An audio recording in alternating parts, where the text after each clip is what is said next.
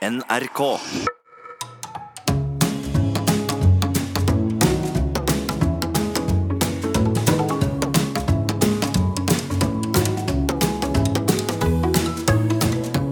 Hjertelig velkommen til Sånn er du. Jeg heter Harald Eia, og du, Nils. Jeg heter Nils Brønna. Og i dag, Nils, så har vi fått tak i et menneske vi har diskutert veldig mye, og endelig har vi fått eh, han til å legge seg under forstørrelsesglasset vårt.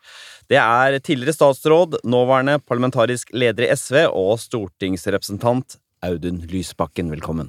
Tusen takk. Du Hvorfor sa du ikke at han var leder i SV? Ja, du er leder også? Ja. Men Harald syns det parlamentariske systemet er viktigere enn andre ting. Ja, jeg syns ikke det ledervervet er så viktig. Jeg syns det er den parlamentariske Jeg ble jo nysgjerrig på deg, Audun, allerede i 2011. Fordi først hadde jeg da lest eh, Karl Ove Knausgårds Min kamp, hvor han beskrev hvor frustrerende det var for ham å ta pappaperm og trille rundt med barnevogn i Stockholms gater.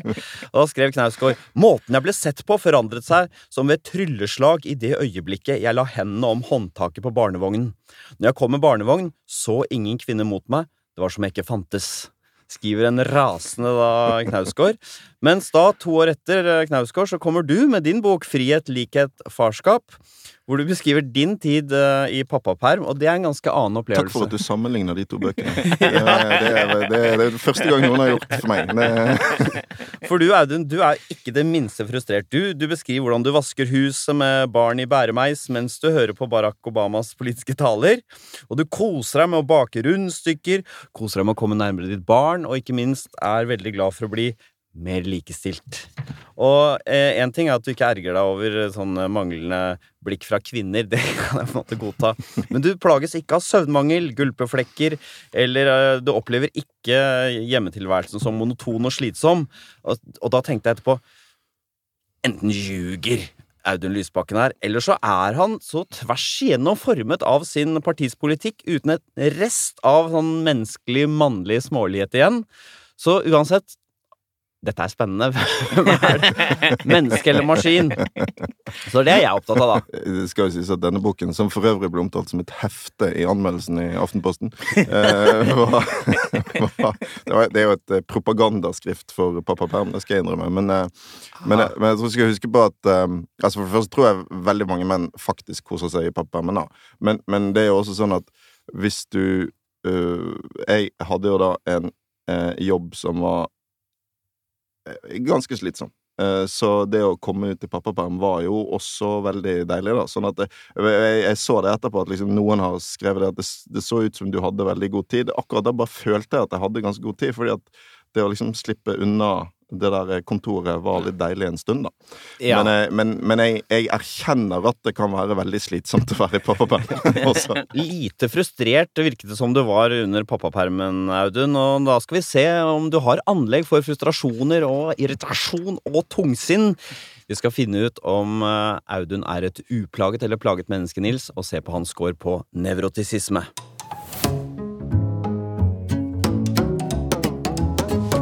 Nevrotisisme det er jo rett og slett summen av negative følelser, eh, Nils. Og da begynner vi med en underdimensjon under nevrotisisme som heter angst. Det er tilbøyeligheten til å oppleve uro. Mm. Hvordan eh, føler du at du ligger an her? Jo da, altså jeg kan, jeg kan ha det. Jeg måtte, hvis sånn, ungene var små, så måtte jeg ofte inn og sjekke at de pustet og sånn. For eksempel, ja. Ja, nettopp. Det var det. Nettopp. For det har ikke du gjort så mye, Harald. For å Nei, jeg, jeg regner med at fire fire milliarder år med evolusjon har sørget for å Hva gjorde du da? La du øyeeplet inntil munnen, sånn som man gjør med punkterte hjul? Det var jo Jeg lytte eller se eller ja, Det, det fins mange måter å sjekke at et barn puster. Ja, det er ganske vanskelig. Et speil foran er det noe som gjør for å se om det blir digg. Er det sant? Ja, ja. Så når du er inne og lytter på barn eh, som puster, for eksempel, så, så er det jo litt Ja da, bekymringer. ja da. Jeg, jeg kan ha en hang til bekymringer, i hvert fall liksom på privaten. Nettopp. Og da er vi tallet Bare minner om scoren, Harald. 50 gjennomsnitt. Går bare i praksis opp til 80.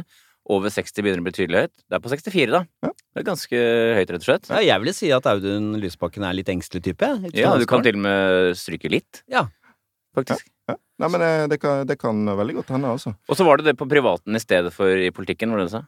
At du bekymrer Ja, deg mer i Ja, det tror jeg faktisk. Altså, det, men men eh, Og så er det jo litt sånn eh, Det, det er jo en spennende ting sånn hva er personlighet, og hva, hva lærer vi oss til, og sånn. Jeg, Mm. jeg tror nok at jeg også har forandret meg Eh, altså, jeg var, når jeg var liten, så kunne jeg være litt sånn engstelig. Jeg, var sånn, jeg gledet meg ikke til å gå på skolen. For jeg syntes det var, nei, jeg det var eh, trygt og fint i barnehagen. Ja. Uh, sant? Det var sånn, ja. men Nye ting kunne være litt Ja. tøft, da. Men sånn etter hvert, da, hvordan i voksen alder, hva andre ting Nei, jeg, det kan være? jeg, jeg tror jeg har nok forandret meg litt, da. Ja. Um, uh, f- og jeg tror det går på at liksom du Ja, vi er jo ikke Altså, personligheten vår er vel en slags miks av liksom hvordan vi er født, og hva vi opplever, og Ja. hva vi lærer, er det ikke det? da? Jo.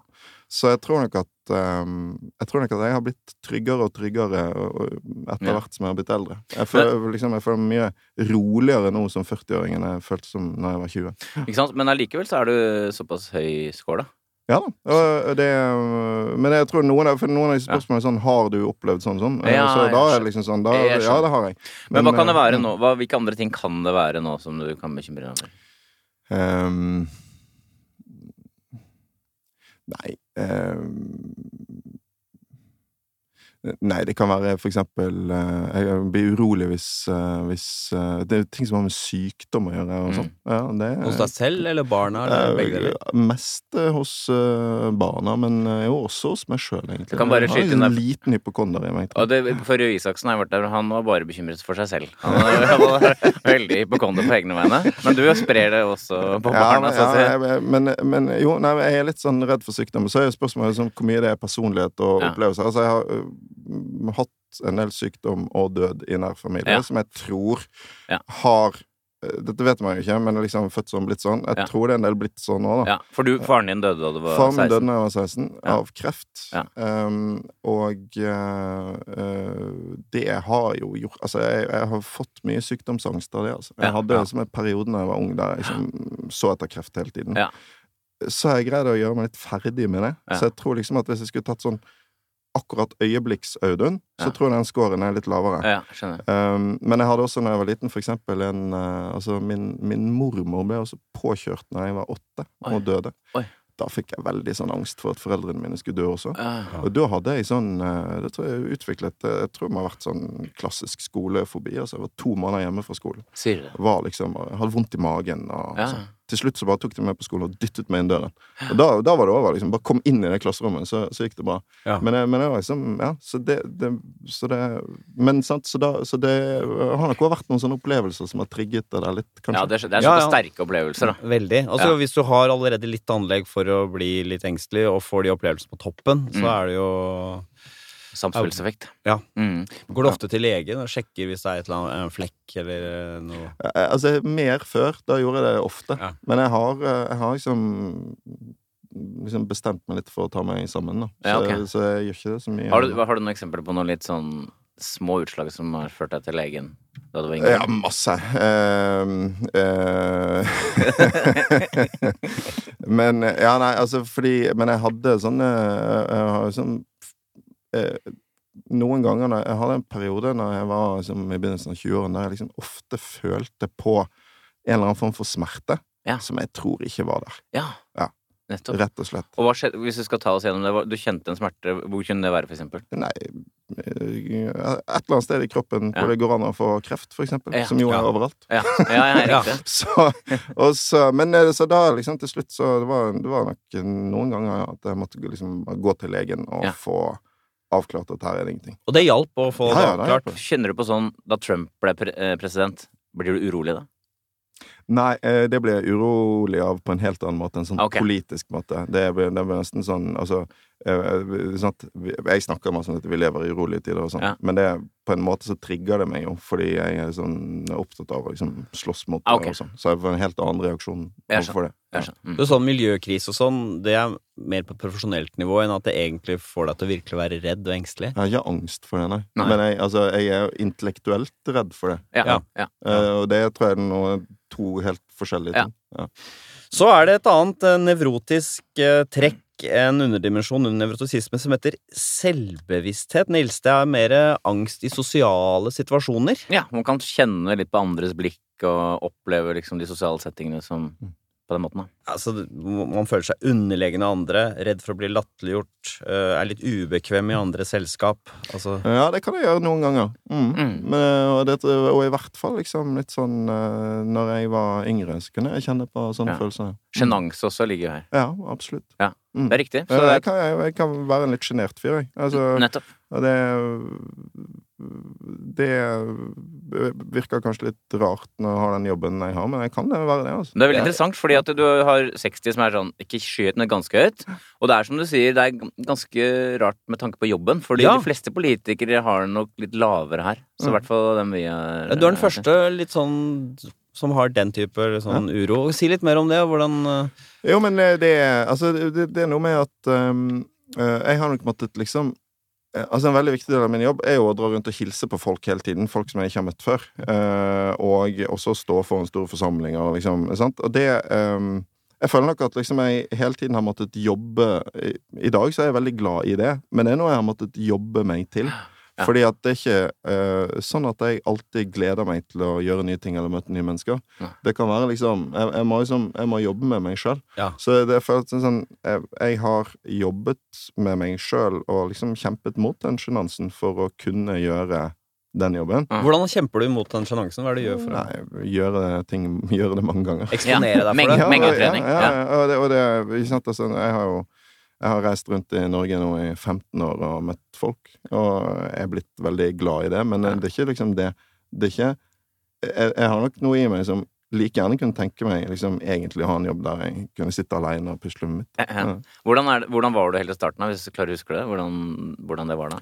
Nei, jeg har alltid liksom vært nervøs for å gjøre nye ting, Ja, for eksempel. Ja. Ja. Men, jeg, men det er stor f- øh, øh, Sånn at det Men så tror jeg også igjen, altså, jeg har tro på liksom at vi kan Vi er jo ikke bare noe vi er født med, vi forandrer oss hele tiden. Ja. Så jeg har jobbet med det. Ja. Så jeg er ikke jeg, jeg er jo ikke Jeg er ikke nervøs for å stå på en scene eller gå i en debatt. Eller noe sånt. Men, ja. men jeg kan fortsatt være nervøs for å gjøre helt nye ting. For eksempel liksom, i utgangspunktet det å, å, å snakke sånn om meg sjøl, sånn som vi gjør nå, det, Ja. det er litt, mer ukomfortabel Ja. enn å skulle snakke om eh, eh, lønnsfesten til topplederen, liksom. Men jeg har lyst til å spørre om en ting. Jeg vet ikke om du har hørt for Siv Jensen var her. Da trakk hun frem to personer fra politikken som hun uh, har likt veldig godt. Det er Jens Stoltenberg og deg. Mm. Vet ikke om du har hørt det, men eh, hva, hva, hva tenker du da? Hva, hva er det hun har sett i deg? Er det den sjenerte Audun har sett? Og fått, vi har eh, sånn eh, Vi, var, eh, vi satt i finanskomiteen sammen, eh, Siv Jensen og jeg, fra 2001 til 2005. Ja. Um, da var jo jeg veldig ung, uh, og, og hun var også helt i begynnelsen. Hun hadde sittet en periode på Stortinget. Eh, og da var det, var litt sånn eh, Det var, det var litt odd, fordi vi, jeg tror vi hadde ekstremt mye fordommer mot hverandre. Mm. Men vi hadde veldig hyggelig sammen. Vi, de årene. vi kommenterte var mye ute og reiste, og det var ofte vi som ble sittende og ta Ja, en og sånn. Og sånn bilde fra en sånn park i Beijing. Vi hadde altså en sånn fridag.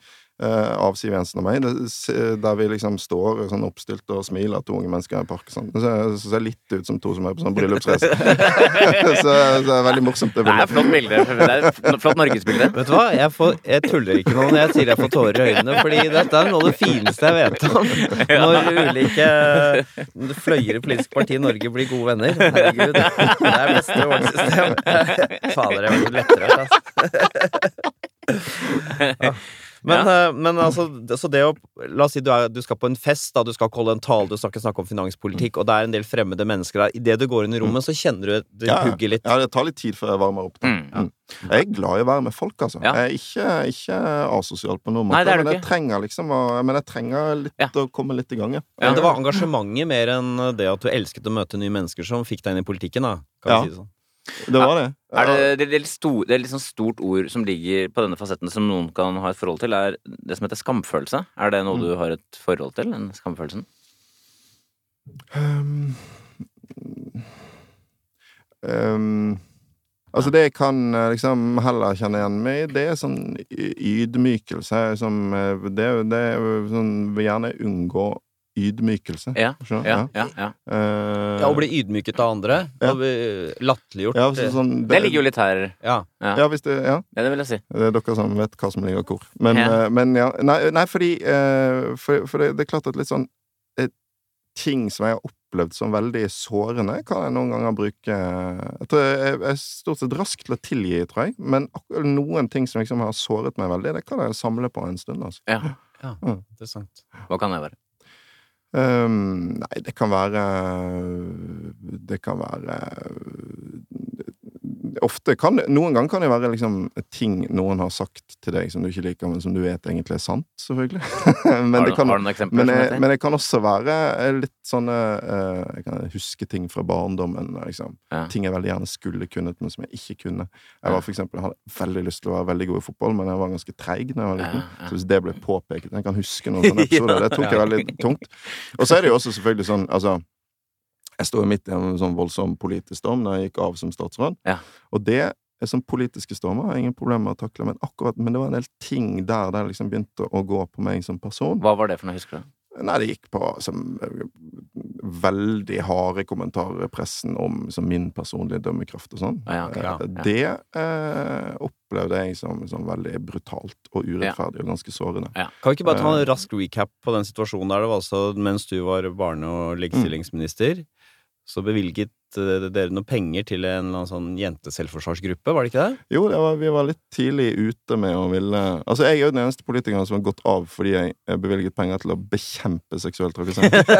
ja. ja, det må ikke være for tidlig ute. Og så ble det da anklaget for at, det var, at du var inhabil, og at du ga Mm. penger til eh, Det var regi av noe Det var, det var en organisasjon som het Jenteforsvaret, men som hadde for tette bånd til Sosialistisk Ungdom. Ja, Mm. Riktig. Og da fikk du mye pepper i pressen, og det, det kjente du det, det var Ja, liksom- fordi at eh, Og, og greien med det var at jeg erkjente at liksom det var politisk dårlig håndtert. Mm. Uh, og at jeg hadde politisk ansvar for det. Men jeg opplevde jo liksom at eh, når kritikken ble veldig personlig, så oppfattet jeg det som veldig urettferdig. Fordi at det var liksom Altså, når du ikke greier å skille politisk ansvar og personlig ansvar, eh, så, så blir det mm, Ja. Ja, det så, så det syns jeg var tungt. Det satt i lenge, altså. Merker Ja. du da de journalistene som skrev det? Er det sånn? Nei, altså, det, nei, altså på det nivået så jeg tror jeg er sånn rimelig uh, Ja. men, men, men, uh, men, jeg, uh, men, men det er klart at liksom den følelsen der, Ja. den, den kan jeg hente fram en god stund etterpå. Er det Ja, for det er, det er en sånn type irritasjon, da, eller, eller Ja. ja, Ja. Og en sånn Og ja, en Skulle ønske at du var mer tykkhudet. Ikke sånn generelt, for jeg tror liksom egentlig at sånn i det meste så Altså, du vet du jeg kan ikke ha den jobben jeg har hvis du liksom lar all kritikk gå inn på Det meste av kritikk går ikke inn Nei, på meg. nei, fordi det meste av kritikk er liksom Det er politikk. Det er, det er sånn det er. Ja. Ja. Så, så akkurat det der var spesielt. Hvordan var det for Hvordan var det for Skjønte du at du bar den veien, at, det kom, at du kom til å måtte gå? Uh, nei, ikke egentlig, fordi at uh, jeg var helt sikker på at vi skulle klare å rydde opp i det. Eh, Det var jo en sånn uh, Det ble jo eh, og, jeg mener fortsatt at eh, så mye av det var Ja. eh, av proporsjoner. Men det er nå en annen Så da er det diskusjon. Jens som tar kontakt med deg, da, og så gir beskjed den har Nei, nei, det var Ja. jeg som, eh, jeg som bestemte det. Ja, okay. uh, og det kom i en situasjon der jeg liksom opplevde at det var helt håpløst å håndtere. Det kom ikke ut. uh, det var bedre, og, og jeg skulle ta over som partileder en, en uke etterpå. Stemmer det. Og jeg, sånn, det ville jo skapt en helt håpløs situasjon. Skulle sitte i kontrollhøringer og Ja. alt hele den første tiden. Så Ja, hva skal vi si, Nils? Uh, Vi har jo hatt noen nevrotiske scorer på underfasetten her, men i sum er Audun Lysbakken et nevrotisk menneske? Nei da, han er på gjennomsnitt Ah. på nevrotisisme. 53. Eh, og du er da Ja, du er rett og slett på gjennomsnitt når det gjelder negative følelser. Du er da eh, ganske høy på angst og selvbevissthet slash sosial angst. Det som trekker veldig ned, er det en score på impulsivitet. Som kanskje ikke er så intuitivt at er under nevrotisismen. Det er den derre eh, å la seg lokke av fristelser. Det kan være småkaker og sigaretter og alt mulig rart, men du er nok ikke en som du, For å si på den måten, du klarer å la det siste kakestykket ligge igjen på fatet. Ja, jeg gjør det. Jeg, jeg, jeg, ganske, jeg har ganske god sjølkontroll, det har Ja. jeg nok. Ja. Den er, scoren er på 31, så der, der er du på omtrent 1 laveste på det. Ja. Så du, er, du, du kommer ikke til å Nei, få magen med det første. Og du er ikke heller ikke Du har ikke noe anlegg for depresjon, altså tungsinn, og fiendtlighet. Altså, du har ikke noe mye agg, eh, egentlig. Du er ikke en hissigpropp. Vel, på snitt når det gjelder nevrotisisme Vi skal se på din score på ekstroversjon. Ekstroversjon. Hvor mye glede og kick får man av den ytre verden, både fra mennesker og andre ting? Det er lett å glemme at det er andre ting også. Det er ikke bare mennesker. Det er den ytre fysiske verden som sier Harald. Så eh, vi begynner da Men, det, men ekstroversjon fanger også inn hvor mye energi og kraft du selv utstråler ut Ja. i verden, og det skal vi snakke om først. Denne underdimensjonen som heter selvmarkering. I hvilken grad du, du uttrykker dine meninger overfor andre. I hvilken grad du er, styrer andre. Altså kraft og dominans i sosiale sammenhenger. Ligger du lavt her, eller høyt? Der eh, er jeg vel redd for at jeg ligger ganske høyt. Du kan sløyfe ganske. Du ligger veldig høyt. 68, 2 høyest omtrent. Du trenger ikke være redd, for her Det er ingenting som er galt og sånn. Men hva var det du, hva, hvorfor var du så sikker på at du skulle være så høyt? For å si det sånn? Nei, altså jeg, jeg, jeg, altså jeg snakker jo mye og gjør mye ut av meg. Jeg gjør jo det. Jeg kan ikke nekte for det. Nei, så Hender det at kona di kommenterer at uh, Audun, du tok mye plass i kveld? ehm, Nei, eh, nei jeg, jeg, tror ikke det tipper over sånn at det blir et sosialt problem, men det er sikkert ikke jeg som eh, den, den beste til å dømme på det. nei, men, eh, men nei da. Men jeg, jeg, er jo liksom, jeg har jo sterke meninger om mangt, da. Så vi Ja. gjerne, liksom, hvis det er en samtale, så vil jeg gjerne være Ja. Har det alltid vært sånn, eller? Jeg har nok det. På, hvordan var det på skolen, for eksempel? På videregående? Ja, jeg, var jo en som pratet mye, ja. og liksom, ja, eh, absolutt. Var, Var du elevrådet? Jeg faktisk ikke i elevrådet. Nei? eh, det var jeg ikke. Men jeg Var ikke eh, populær nok? Ble ikke valgt Nei, det var, Var, det, var, var du OD-ansvarlig? Eh, jeg var OD-ansvarlig. Du var det? Ja, ja, Var det? ja, ja, Det er enda mye større oppgave enn det, egentlig. Ja, det er klassisk. Operasjon Dagsverk, for den som lurer. Men, men Si litt om den følelsen det å, ha skåret høyt på dette trekket her og være selvmarkerende. Når du er sammen med folk, det kommer opp et tema som du jo kan en del om, som du jo, i likhet med mange andre menn, kan i alle temaer. Kjenn, er det liksom det bobler altså, Ja, ja, Ja. det, det er jo liksom det, det, Vi har jo noe fornuftig å melde, da, Ja. som liksom må ut. Ja. Så, men eh, der har jeg jo Så jeg har jo da passet på, da eh, nå, nå har jeg jo en jobb der jeg får liksom utløp Ganske mye utløp for det her. Ja. Jeg så deg på Dagsnytt 18 her om dagen. Da var det med to innslag. Det var liksom sånn Satt bare og trippet på bakrommet. Ja, så du får du, Her må du ikke jobbe Men du antydet at du må jobbe litt mot det, holde det litt i sjakk noen ganger, eller for an- andre slippe til, eller? Altså, jeg, jeg tror at jeg er også en ganske sånn eh, høflig fyr. Altså, jeg Ja. håper det, i hvert fall. Du er det. Ja, da. Men ellers i andre sammenhenger hvor det er mye folk og sånn, da har du lyst til å si noe, eller? Er det litt sånn? Ja. Ja. Jeg har jo ofte det. Ja, det, var, så det, det er på en måte Hvis vi skal se på de øh, personlighetstrekkene som har skjøvet henne i politikken, så vil dette være et sånt trekk, Nils. Ja, Mens ja. nevrotisismen har holdt deg litt igjen. Og så ligger det litt Altså, det er jo en De som er høy score, har ofte vært ledere også. Mm. Ja. Ikke sant? Det er ledertyper, og det har du sikkert vært. I tillegg til hodet, så har du sikkert hatt Jeg har vært leder for mange forskjellige ting. Jeg personlig, som kan være ganske dominerende i en del sammenhenger, og har jobbet sammen med type Bård Tufte Hansen og Atle Anton, som også snakker mye høyt. Mm. Vi har måttet skjerpe oss for å gi Mm. plass til kvinner, som ofte ikke breier seg så mye. Mm. Eh, har, du, har du noen gang gjort noen Gjort opp noen tanker om det, eller jeg må gi Altså, slippe til? I SV har vi jo regler for det her, vet du. Vi ble jo, Å, jo men altså, vi ble jo, vi ble jo ekstremt uh, latterliggjort på landsmøtet vårt i fjor av et sånn samlet mannlig mediekorps. Fordi vi hadde Nei, vi liker å eh, gå i takt. Fordi vi hadde sånne eh, formøter eh, der vi delte landsmøter for kvinner og menn. Nettopp for å diskutere det der, da. For å se om sånn, kan vi sørge for å utjevne for eksempel hvor mye kvinner og menn som har ordet og sånn. Fordi det er sånne strukturer overalt. Er. Eh, og det syns jeg disse mannlige journalistene var utrolig morsomt. da, og Lagde masse rare Og det var liksom eh, utrolig mye Det var ingenting jeg fikk så mye spørsmål om, og var ikke det liksom utrolig latterlig tiltak. Men etter metoo så har liksom de kritiske spørsmålene om det har liksom forsvunnet. Ja. Så, men hva er regelen da konkret på det, da? det er ikke en regel, men Nei, vi har bevissthet. prosesser for å bevisstgjøre. Sant? Vi Jeg bruker for eksempel ofte sånne formøter for å bevisstgjøre. Det er en del menn som trenger å tenke over. Sånn, trenger jeg ta ordet like mange ganger Ja, jeg som, uh, som jeg gjør? Men det er jo Ja. Vi har jo gjort research i programmet Brille, og der har vi jo funnet ut dette her. Det er menn snakker mer enn kvinner, rett og slett. Ja da, Og du ja er da. selv, Mm. I din eh, ungdom, har jo ledet et prosjekt som karta dette på TV. Ja da. Det Og, og, og det er interessant, rett og slett, for du, dette kan du telle de gangene vi kjører sånne formøter. Eh, også, og det er jo som sagt ingen regler. Det er absolutt ikke noe forbud for menn om å eh, snakke, men det er bare en sånn liten bevisstgjøring på hvordan framstår vi egentlig. Og tilsvarende for kvinnene, som prøver å ta litt mer plass, så jevner taletiden seg ut. Man gjør det, altså. Nei, Man kan ikke alltid overlate ting til intuisjonen, fordi eh, da Jeg hadde en eller annen idé om at damene etter hvert, når jeg vokste opp, ble mer, tok mer og mer plass, men uh, i stedet har jeg, jeg måttet dempe meg. At det var løsningen. Jeg var forbaska. Var Det er vel begge deler, tenker jeg. Ja da. Det er. jo. Eh, Ekstroversjonsscoren til Audun er interessant. Den er litt sammensatt i ulike underdimensjoner, Nils. Ja, den er det. Eh, Først så slår vi fast at du tross alt er ganske ekstrovert. 57, Mm. ganske tydelig ekstrovert. Du er ganske sosial, som du var inne på i stad. 56. Eh, Du er høy på aktivitet, du har et høyt livstempo, det skjer mye. Det forklarer jo litt av alt det du gjør i pappapermen. da. Det er her, her foregår det ting, liksom. Du ligger ikke på sofaen. Så så langt har vi fastslått du er midt på treet når det gjelder eh, nevrotosisme, og ganske utadvendt type. Men hvor åpen er du? Hvor, eh, er du en poet, en kunstner, en eh, intellektuell søkende menneske? Her er Audun Lysbakkens score på personlighetsdimensjonen åpenhet. Du hører på Sånn er du på NRK P2. Dagens gjest er Audun Lysbakken.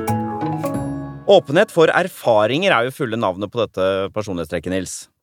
Så åpen man er for eh, ny kunnskap, nye erfaringer, fantasi, eh, åpen for følelser, alle mulige sånne ting. Har du store øyne mot verden, eller er du mer, eh, litt mer lukket hva gjelder nye erfaringer? Og da begynner vi med estetikk. Det er mottageligheten for kunstopplevelser. Kunst er et viktig område for SV. eh, Hvor åpen er du for eh, kunstopplevelser, Audun? Nei, altså her tror jeg kanskje jeg scorer litt lavt. Det er riktig, det er Eh, riktig. Ja, og det er som, nå skal jeg passe meg, for det er jo veldig mange som er opptatt av kunst som stemmer SV. Ja, ja, det. Det rare med det her er at jeg til og med kommer fra en kunstnerfamilie, men jeg er litt sånn familiens sorte får på det. Jeg har liksom ikke jeg, jeg, jeg tror ikke Jeg har ikke noe stort kreativt talent i den retningen, og jeg har heller ikke nok ja, nei jeg, Interessant at du sier det med tanke på den fødselen blitt sånn som du har nevnt et par ganger, at her har liksom miljøet i hvert fall stimulert deg i den retning, men noe har stått imot. Ja, absolutt. Og det er liksom Altså, jeg syns jo det er gøy å gå på teater, og kan, av og til eh, kan være på en utstilling òg, men det er liksom ikke Nei, altså, det er nok veldig mange som søker den typen opplevelser mer enn jeg gjør. Altså. Ja, fordi du har ikke den lengselen i det? Til det. Nei, og det er ikke Og, og, og jeg må nok jobbe litt, og det, det er ikke all, alt jeg forstår umiddelbart heller. Det er kanskje Mm. litt sånn treningssak, da, men Mm. det er liksom Ja, det er nok um, Ja. Nei. Jeg skal, jeg skal bare si scoren, og den er 40. Det er ikke superlav, men det er ganske lav, ja. Mm. Så, Så når det er kunstutstilling, så er det vel vernissasjen og praten du er mer ute etter, å stå i grupper og diskutere mer enn å å vende ryggen til bildene mer. jeg har ikke vært på mange vernissasjer, må jeg innrømme. Jeg, var, faktisk Det var når eh, vi skulle ha sånn eh, eh, I 2009, når eh, den rød-grønne regjeringen skulle ommøbleres, så var det en liten stund Og det var klart at jeg skulle inn i regjeringen. Altså det var en liten stund det så ut som vi skulle få kulturministeren. Eh, og da ble jeg litt urolig, for jeg tenkte sånn Jeg skal reise rundt Jo, men For det er en veldig viktig del av kulturministerens jobb er å bare Ja. dra rundt og Ja, ja, se på ting. Altså, nå, jeg, jeg kommer til å bli avslørt. Ikke sant? Ja, det sånn, tomme blikket. Jeg har ikke peiling. her. Og så, så sa jeg det til Kristin, da. Kristin Håvardsen. Og så sa hun må du skjerpe deg, sant? for det kulturfelt, kulturfeltet trenger ikke en fyr som kan spille gitar, men en fyr som kan skaffe politisk gjennomslag. Ikke sant? Men, jeg. Men jeg du ble altså ikke Men, men jeg ble ikke kulturminister. Hvem var det som ble det, forresten? da? Det var eh, Anniken Huitfeldt som ble Ja, ja. Hun lar seg litt Men hva slags kunstnere var det hjemme hos deg? Nei, begge mine foreldre øh, var skuespillere, så de Ja, drev øh, friteater. øh, oh, ja. friteater. Mm. Nettopp, ja. Så, øh, og min mor øh, skriver barnebøker, jobber med film. Ja. Oh, ja. Mye barnekultur, da. Som, øh, og som jeg setter veldig stor pris på, da, må jeg få lov å si. Jeg er Ja. opptatt av det at det er en kvalitet i mm, kulturformidling til barn og sånn. Ja. Så, så det betyr ikke at jeg ikke syns det er viktig. Hvis kona di sier sånn Audun, i dag har jeg kjøpt billetter til oss to på en danseforestilling. Hva sier du da? Eh, det blir jo spennende. nei, men, nei, men altså Nei, det er jeg, jeg, skal, jeg har ikke vært på mange danseforestillinger, skal jeg innrømme. Men det er, igjen, altså, det er jo Jeg, tipper det er ganske høy SV-prosent blant de som eh, Ja. liker moderne dans.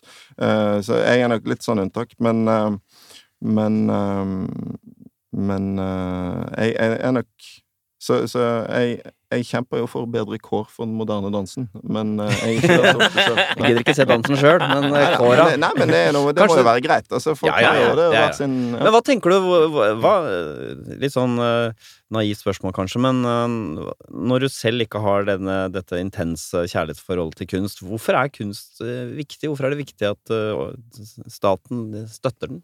Det er mange grunner til det, tenker jeg. Altså, for det første så er det jo veldig mange mennesker som har et veldig intenst forhold til kunst. Ja, de skal man ta hensyn til. Eh, eh, Det er nå én ting.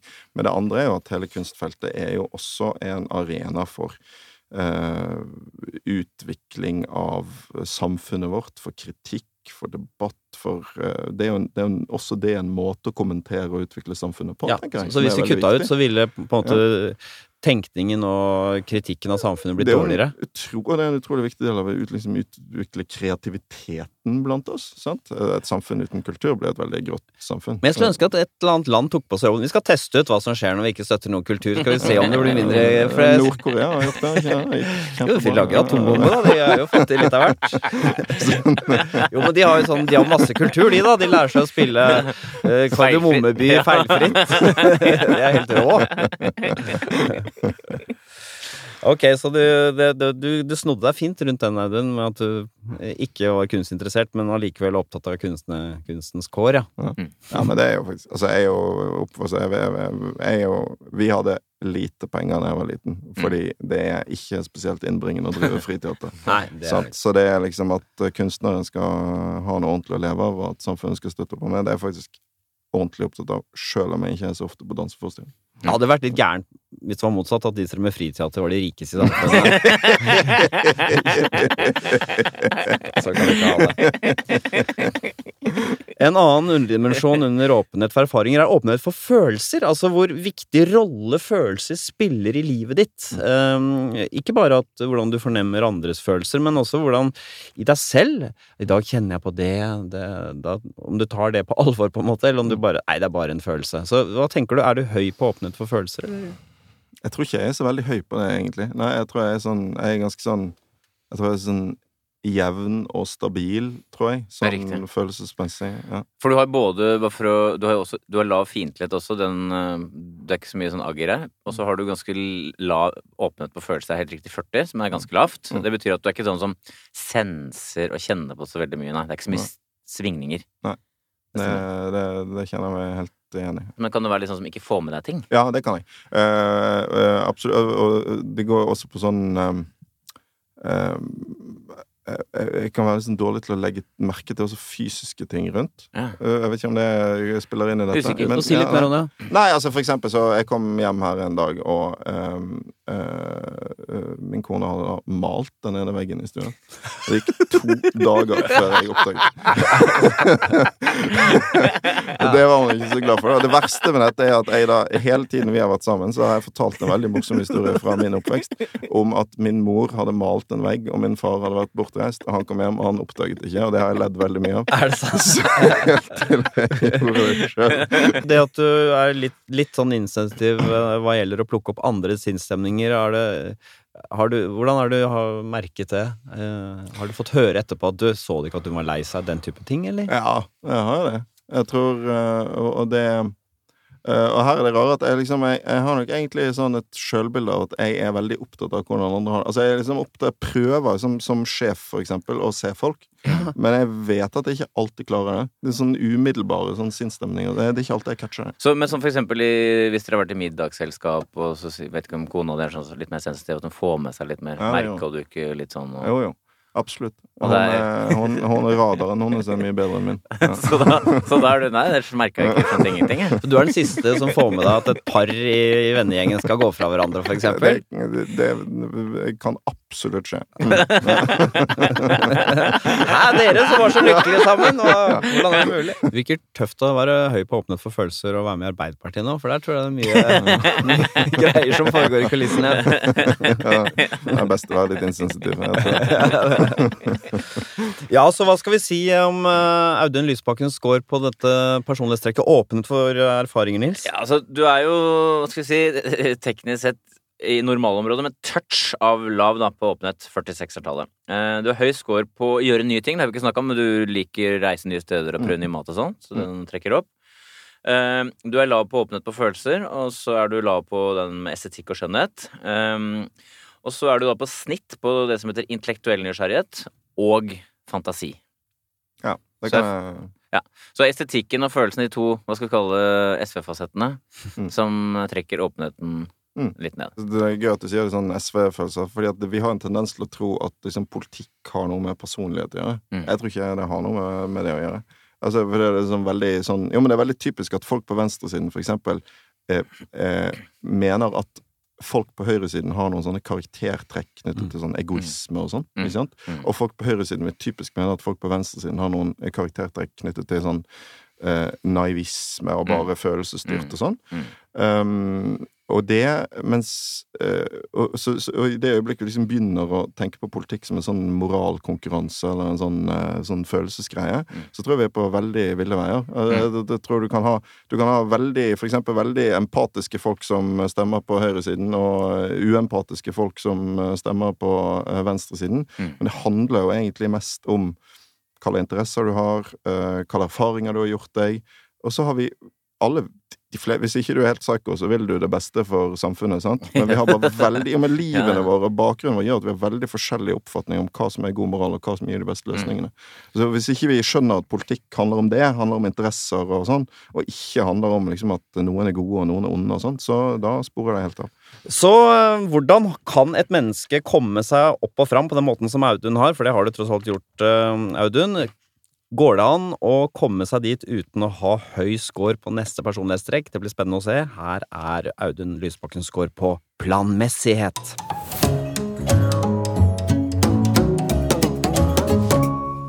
Planmessighet det er jo da viljen og drivkraften til å prestere for å oppnå sine mål, ta tak i ulike oppgaver, utføre arbeidet sitt. Noen scorer høyt her, noen scorer lavt, og vi begynner da med denne underdimensjonen som heter eh, prestasjonsstreben, Nils, eller noen ganger så kaller vi det for det å være ambisiøs. Det dekker i hvert fall blant annet det. Mm. I hvilken grad du drives av sine egne prestasjoner. Altså, skal du ha lyst til å bli best? Uh, igjen, Knausgård er jo han, En av grunnene til at han hatet å være i pappaperm, var at han ville bli verdens beste forfatter, så dette tok verdifull tid bort fra hans eh, forfattergjerning. Så hvordan tenker du? Er du en litt sånn prestasjonsstrebende type, eller? Ja, jeg er nok det. Um, det vil jeg tro.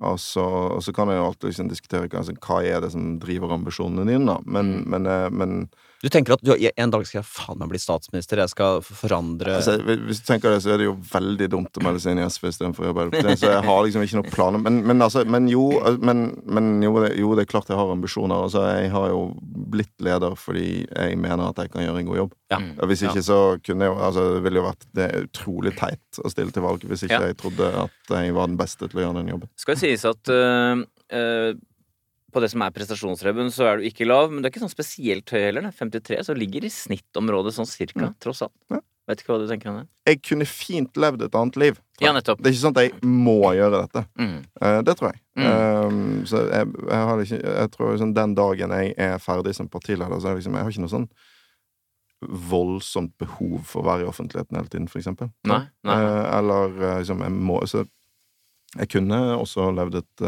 et, et annet liv og vært fornøyd med det. Det tror jeg. Men eh, det, det er klart at det er sånn Jeg ville veldig gjerne bli partileder. Ja, Jeg- jeg Du ville det. det. For det var jo en slags øh, kamp den gangen, ikke sant? Ja, ja, vi var jo tre stykker Ja. som, eh, som, som konkurrerte om det. Ja. Ja. Og Bård Vegar Solhjell var jo gjest her, og han skårer høyt på prestasjonsstreben. ja, han gjør faktisk det. Så for han var det ganske Det var veldig søt innrømt. Det var et Mm. ganske surt nederlag, det der. Mm. Å Mm. ikke bli Ja, men det er partileder. klart. Men det hadde jo jeg òg syntes hvis de ikke hadde valgt meg. Så hva skal vi si? eh, Audun, har han kommet opp og fram eh, på tross av, eller på grunn av sitt personlighetstrekk, eh, planmessighet, Nils? Sånn sett så på grunn av, for du er jo da ganske, ikke super, men ganske 57. Mm. Tydelig, tross alt. Du har ingen lave utslag. Du er strukturert, ryddig. Eh, så er du grundig. Eh, og så har du også ganske høy selvdisiplin. Mm. Så du er jo et, en fyr man ansetter, for å bruke det uttrykket. Og en eh, perfekt pappa har pappaperm også, med grundighet og Energi og planmessighet Ja. blir en bra Ja, da blir det, da er det opplegg. rundstykkene. Ikke bare blir rundstykke når mor kommer hjem, men eh, du har skrevet en bok også. Jeg, jeg kjenner at jeg skal liksom passe meg litt her. Fordi altså, eh, Siv, som er gift med, kommer til å høre på det. Hun, hun mener nok at jeg for eksempel er mer rotete enn hun. Det, eller hun mener det er jeg. Så jeg har jo noe, jeg har noen ting som trekker ned Å ja, du- Men kanskje hun er veldig ryddig, da, vet du. Ja, det Ja, for det kan jeg, da kan du ta med dette. Du er ca. 17-18% ryddigste. Ok. Så Så vært er 80, der. 80 er lavere. Jeg, jeg, kan bli, 80 ja, jeg kan bli stressa av at det blir Ja, men det, men det er noen over òg. Ja, det hun er gift med, for Men det er veldig mange, Ja. ja, veldig mange under. Det kan du sitte ned. Det er sjanseseilas, Nå har jeg tall på det. Det er veldig bra. Kan jeg, kan jeg få de Ja, ja, ja, Ja, ja. det er veldig bra. Så er det jo det personlighetstrekket, Nils, vi skal snakke om nå, som veldig mange er opptatt av å score høyt på, selv om vi er opptatt av å ikke rangere, og det er i hvilken grad man er et medmenneskelig menneske. Hva er Audun Lysbakkens score på medmenneskelighet? Dette er Sånn er du, NRK P2. Dagens gjest, Audun Lysbakken. Medmenneskelighet det handler jo om egenskaper som eh, samarbeidsvilje, medfølelse og hjelpsomhet, Nils. Ja, Kortsetningen er om man møter eh, folk med piggene ute eller armene åpne.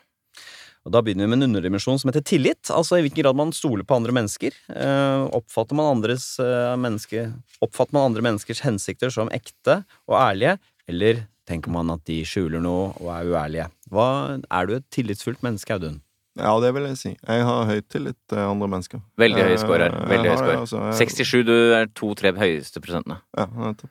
Ja, jeg, liksom, jeg, jeg føler at det er sånn erfaringen min også. Sånn, en av de tingene med å liksom være en, eh, et menneske som ganske mange kjenner, er jo også at mange henvender seg og sånn. Mm. Det er sinnssykt hyggelig. Mm. Eh, Altså, folk er, er veldig greie.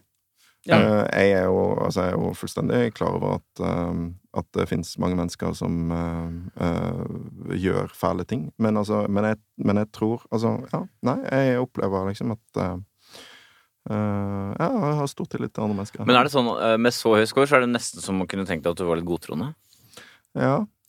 Ehm, det kan hende. Jeg tror ikke det, Nei. men uh, jeg, Har du blitt lurt i utlandet? Nei, jeg har ikke det, nemlig. Så for Nei. jeg passer på sånn, for der kommer litt sånn bekymringen inn. Da. For jeg passer meg jo også, sant. Ja. Så, så det er liksom sånn at jeg er ikke Så det, det har skjedd veldig sjelden. Ja. Uh, så, um, så Så det tror jeg faktisk ikke jeg er. Men jeg har, uh, men har i utgangspunktet altså, altså, Jeg har i utgangspunktet stor tro på at folk er bra. Ja. Eh, men jeg tror liksom jeg skjønner det òg når jeg oppdager at det ikke er det. Ja. Skjønner? Ja. Ja. Uh, Men det er litt interessant, for du har jo litt lav score på åpne følelser, ja, så du kan jo ja, være det er litt sant, det. insensitiv. Men, men liksom folk som er ute etter å ta deg eller lure deg, det merker du. Er, det, er det sånn at du, for å ta litt sånn større nivå, er det sånn at du har tro på menneskeheten? Eh, Mm. Ja, jeg har det, altså. Og jeg, Mm. og jeg, men jeg opplever liksom at menneskenes historie, stort sett med noen unntak, er en historie om framgang. Mm. Og jeg tror på mer framgang. Mm. Eh, Jeg er optimist sånn sett, sjøl om jeg som er veldig Altså, jeg er veldig sånn opptatt av alt det som går i gal retning akkurat nå, med Mm. økende ulikhet og Mm. klimakrise og sånn, men jeg har likevel Jeg har en grunnleggende tro på at det er en sånn en, en, en sånn kreativ kraft i menneskeheten Ja. som gjør at vi kan skape et bedre samfunn. Kan jeg spørre deg om det, fordi Hvis du tenker sånn klimakrise x år fremover, så er det noen skrekkscenarioer. Mm. Hva er det du ser for deg at løsningen er da? Ja, Hvis vi kommer dit og ikke klarer å stoppe det, mener du? Eller, eller, Eh, eller, du- eller tror du at Ja, jeg tror vi Altså, det, si vi får global oppvarming. Det Ja, får vi jo. Men, men det er fortsatt mulig å holde den på et nivå som gjør at det ikke blir total katastrofe. Ja. Det er riktignok sånn at tidsvinduet for å få det til begynner å bli veldig kort, Ja. men det er fortsatt mulig. Ja. Eh, og det må vi få til gjennom uh, en eh, utvikling av ny utslippsfri teknologi. Sånn sett er jeg sånn teknologioptimist, men jeg skiller meg fra en del andre teknologioptimister ved at jeg er veldig opptatt av at vi må endre det økonomiske systemet for å få den teknologien raskt nok på plass. Mm. Sånn jeg tror ikke Kapitalismen kommer ikke til å eh, levere krisen på, eh, løsningen på miljøkrisen, fordi den er så Det kapitalistiske systemet fungerer sånn at den gjør det som er mest lønnsomt på kort sikt. Mm. Det å løse klimakrisen handler om å gjøre det som er mest lønnsomt og fornuftig på lang sikt. Da må det mye større grad av politisk styring til. Så, så for meg henger liksom det grønne og det røde sammen. Ja, også, Men du tenker også eksempel på et internasjonalt nivå at, uh, at USA er litt ute nå. Det er ikke så avgjørende. Eh, Altså det, det, vi er nødt til å få de inn igjen, Mm. selvfølgelig, vi skal Mm. løse det. Eh, men jeg, jeg har tro på at hvis vi kan kjøre, drive den Paris-prosessen Mm. videre også uten de Men det skal sies at det er jo ingen Hvis du ser på det politiske bildet internasjonalt, så er det jo ingen grunn for optimisme. Så, så, så når jeg likevel er optimist, så er det fordi jeg tror vi kan få politisk endring. Eh, og det som er fascinerende, sant, det er jo vi er jo vokst opp i en sånn veldig stabil tid, ikke sant? Mm. Der eh, store ideer var litt ute, og det var ironi som gjaldt, og det var liksom ikke noe stor forandring på horisonten. Å, ironi, har det vært populært? Men nå lever vi plutselig en helt annen tid, da. Ja. Der det er eh, alvor og store ideer er tilbake. Og det kan gå skikkelig galt, selvfølgelig, for du har masse høyrepopulisme og en sånn autoritær vending på høyresiden. Men du har jo også en radikal venstreside på Mm. frammarsj, Mm. som jo Jeg er jo sånn anlagt at det gir meg mye håp. Nettopp.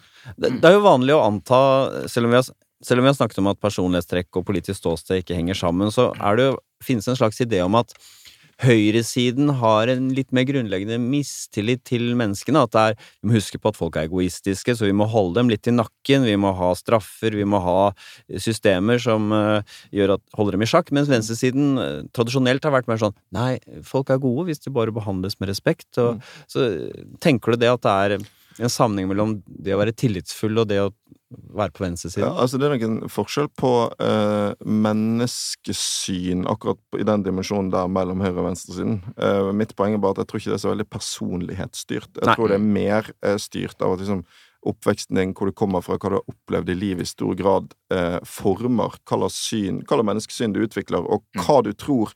Fordi at eh, jeg tror jo heller ikke Det er jo ikke sånn at folk i Høyre og Frp egentlig ikke liker andre mennesker. De har bare et annet syn enn meg på hva som skal til for å få alle til å yte og bidra. Og, ikke sant? Altså, det er jo der vi skiller oss. Ja. Så det handler jo ikke om, om godhet og ondhet eller egoisme eller ikke. Det handler bare om at vi, vi ser forskjellig på hva som er eh, løsningen som skal til for at alle kan få det bra. Ja. Uh, og det, det er derfor jeg er så opptatt av det. Altså, politikk handler om interessemotsetninger. Det Ja. handler ikke om uh, moralkamp eller uh, personlighetsforskjeller. Selv om sikkert liksom et En del av dine fotsoldater eh, ja, hender ja, men, jeg, men det de er derfor jeg er veldig opptatt av å Ja. si det til folk på venstresiden. Om å slutte å, å snakke som om politikk er en konkurranse i god moral. Ja. Det er ikke det. Eh, og, og på samme måte som jeg Derfor jeg skal ikke drive og si at folk på høyresiden er egoistiske eller onde. Akkurat Nei. på samme måte som vi må kunne få be om at de, eh, de uh, slutter å si at du bare kan være sosialist hvis du er naiv. Ja. Ja. Det å være et medmenneskelig menneske handler jo også om om man er rett frem eller ikke. Altså Skårer man høyt på denne underdimensjonen rett fremhet, så er man da mer oppriktig. Man er direkte og tydelig. Man spiller med åpne kort. Skårer man lavt, er man da kanskje litt mer eh, indirekte, litt mer svevende. Man er kanskje litt mer manipulativ. Hva tenker du, er du en litt sånn rett frem type, eller er du en litt mer sånn Tror jeg er ganske direkte, ja. Du er det. Ja. 60. Eh, tydel, ganske tydelig høy på rett fremhet. Du kan sikkert eh, overtale folk, det er ikke det, men, men du er ikke sånn som Du er ikke en player, på en måte. Nei, det, det tror jeg faktisk ikke. Altså, Nei. det er klart at liksom, politikk er også et spill, sant? Det er forhandlinger og sånn, og i, Mm. i, liksom Du skal sitte i en regjering og forhandle og sånn, så må du jo lære deg forhandlingsteknikk, men det er mer det, da. Har det hendt at du har tenkt jeg burde vært litt lurere her? Litt mer taktisk? Ehm, ja, det har eh, absolutt skjedd. Eh, det har det. Ehm, eh, så, men, men så igjen så er det litt sånn Du kan Én ting er liksom hva som ligger i deg i utgangspunktet, og så er det du kan lære deg. Altså, jeg, tror, jeg, jeg forhandlet mye, særlig de årene vi satt i regjering, for eksempel. Uh, jeg syns egentlig sjøl at jeg ble god til det. Ja. Men det er selvfølgelig en helt subjektiv vurdering. En viktig underdimensjon under medmenneskelighet er det som kalles for altruisme. Altså hvor hjelpsom man er, hvor uh, lite egoistisk man er, egentlig. Uh, så er du en som gjerne hjelper andre, Audun, da scorer du i så fall høyt. Eh, men hvis du unngår å bli involvert i andres problemer, så scorer du litt lavt. Uh, ja. Eh, Det er liksom vanskelig å svare på, for på den ene siden så tror jeg at eh, jeg har karaktertrekk som scorer ganske høyt på det. Men på den andre siden så er det klart at jeg også Altså snakket om det med ambisjon i sted. Sant? Jeg har jo også tatt noen valg som kanskje er egoistiske på den måten at eh, jeg har liksom valgt en jobb som krever mye av min tid, for eksempel. Mm, Eh, mm. ja, så, Prioritert karrieren din fremfor en del andre ting. Ja, så, så, er det sånn, ja. Så nei, jeg er faktisk litt usikker på Ja, men jeg på det. eh, du tenker relativt presist. Du, skal- du skal litt ned, ikke kjempelangt ned, men på 42, da. Som er sånn akkurat utenfor nor- normalområdet, så å si. Sånn for eksempel eh, hvis noen har uh, en venn av deg Nå har jo de fleste råd til å hyre på flyttebyrå da, i, i vår alder, men la oss si for eksempel du, Audun, uh, jeg har samlivsbrudd, jeg har litt dårligere, har ikke råd til flyttebyrå. Blir du med på lørdag og bære noen møbler? er det sånn hvordan, Hva er første reaksjonen din der? Ja, eller Åh, lørdag på flytt... Å, shit, den var Altså, jeg, jeg, jeg tror nok at jeg, jeg håper jo at jeg eh, ofte vil ende opp med å svare ja, men at eh, reaksjonen, den indre reaksjonen vil kanskje være siste likevel. Ja. Ja. Eh, Jo, man kan jo overstyre impulsene sine, det, det vet man jo. Men, ja, men det bør man jo. Bør man ikke det? ja, men noen er veldig lystbetont. Altså, ja, ja. altså, de jeg kjenner som er scorer høyt her, Bård Tufte Jansen for eksempel, han, lik, han syns det er hyggelig å hjelpe til. Mens jeg også må minne meg om at det gjør et godt menneske. Dette er jo interessant, sant? fordi at jeg har veldig sånn det har veldig, det har veldig klart for meg hva som er liksom idealene mine. Jeg syns Mm. man skal være raus Mm. og varm, Mm. men jeg vet jo at jeg ikke alltid klarer det sjøl. Mm. Skal sies her, bare for å utfylle litt, for at uh, vi har ikke alltid like god kontroll på disse forskjellene, Harald, men dette er altruisme, som er en slags sånn hjelpsomhet, men så har du empati, som er medfølelse. Der er du høy. Ok. Så du ja. føler ganske mye med, Ja. men det er akkurat det derre selvoppofrelse og de tingene Ja, der som kanskje Ja, går i en litt annen retning. interessant. Mm. Mm. Så er det jo interessant, tenker jeg, fordi at du som vi var inne på i stad, lav åpenhet for følelser betyr at du, det er ikke alltid du får det med deg, men når du først får det med deg, så kan du godt Ja. føle mye med. Strengene dine dirrer ikke så lett, men når de først eh, Så er det varme. Ja, ja. Ja, men det tror jeg. Altså, jeg er jo opptatt av å være til stede for folk som trenger meg, for eksempel. Det som er litt interessant, bare for å trekke sammenligning med Siv Jensen, din gamle venninne, så er det hun har jo ganske høy åpnet følelser, så hun får med seg ganske mye. Men hun øh, Hun kan på en måte skru litt av empatien, sa hun. Altså hun, hun blir, da blir hun opptatt av å være, at det er andre krefter som virker. Ja. Det er spennende. Så eh, er Audun Lysbakken eh, et medmenneskelig menneske? Nei! Audun Lysbakken er et medmenneskelig menneske. 61. Eh, t- eh, tydelig høy, da. Eh, tillitsfull, empatisk, beskjeden, ingen sleiping. Eh, Så har du verken konfliktsky eller konfliktglad, det vil si du er på snitt når det gjelder Ja, det var interessant. Ja. Tenkte du at Jeg, du var jeg trodde jeg skulle komme ut som litt konfliktsky. Ja, du tror det? Ja, jeg tror det faktisk fordi ja. jeg har sånn Jeg føler i hvert fall at jeg har sånn harmonibehov. Ja. Mest på, i det private. Ja, Men det jeg er sånn eh, Altså, øh, min kone vil gjerne krangle litt mer. Krangler litt. For jeg er litt sånn, og jeg må alltid sånn Hvis vi krangler, så må jeg, liksom, jeg må snakke ut om det før vi legger oss. Ja, ok. Ja, det er riktig. Ja. Så, så, jeg, eh, så hun- vil gjerne ha litt mer temperatur. Ja, Mens jeg er sånn Jeg, jeg krangler veldig lite. Bortsett fra i politikken. Jeg krangler Ja. jo hele tiden, men det er på en måte en, det er en annen ting. Ja, ja, ja, ja. Det er ikke personlig. Så det er det eneste Litt lav på denne altruismen, denne touchen av egoisme, da. Ikke mye, men touchen av. Det er det som trekker litt ned, men i sum, Ja, den, tydelig. den, eh, den vedkjenner jeg meg. Ja, ikke sant? Mm. Ja. Vel, da har vi snakket om alle rosene i buketten din, Audun. Nå skal vi prøve å samle trådene her. Samle eh, disse blomstene i personlighetsbuketten din. Her er fasiten om Audun Lysbakkens personlighet.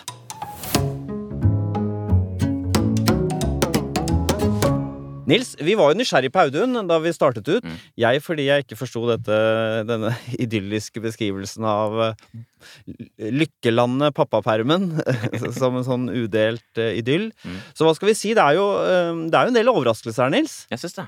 Særlig det med kanskje den selvbevisstheten som ikke er så vanlig blant toppolitikere. Så den synes jeg var interessant, ja. Og så var vi jo også overrasket over disse i gåseøyne SV-fasettene. Åpenhet for estetikk, åpenhet for følelser var såpass lavt. Ja, Det syns jeg var litt eh, artig. Kan jeg ha lov å si det, eller? Så i, i sum så er det jo mye mer sammensatt enn jeg fikk inntrykk av da jeg leste den eh, veldig interessante heftet ditt om, eh, om å være i pappaperm. Og vi har vel etter hvert skjønt hvorfor hans erfaringer, Nils, ikke ligner på Knausgårds.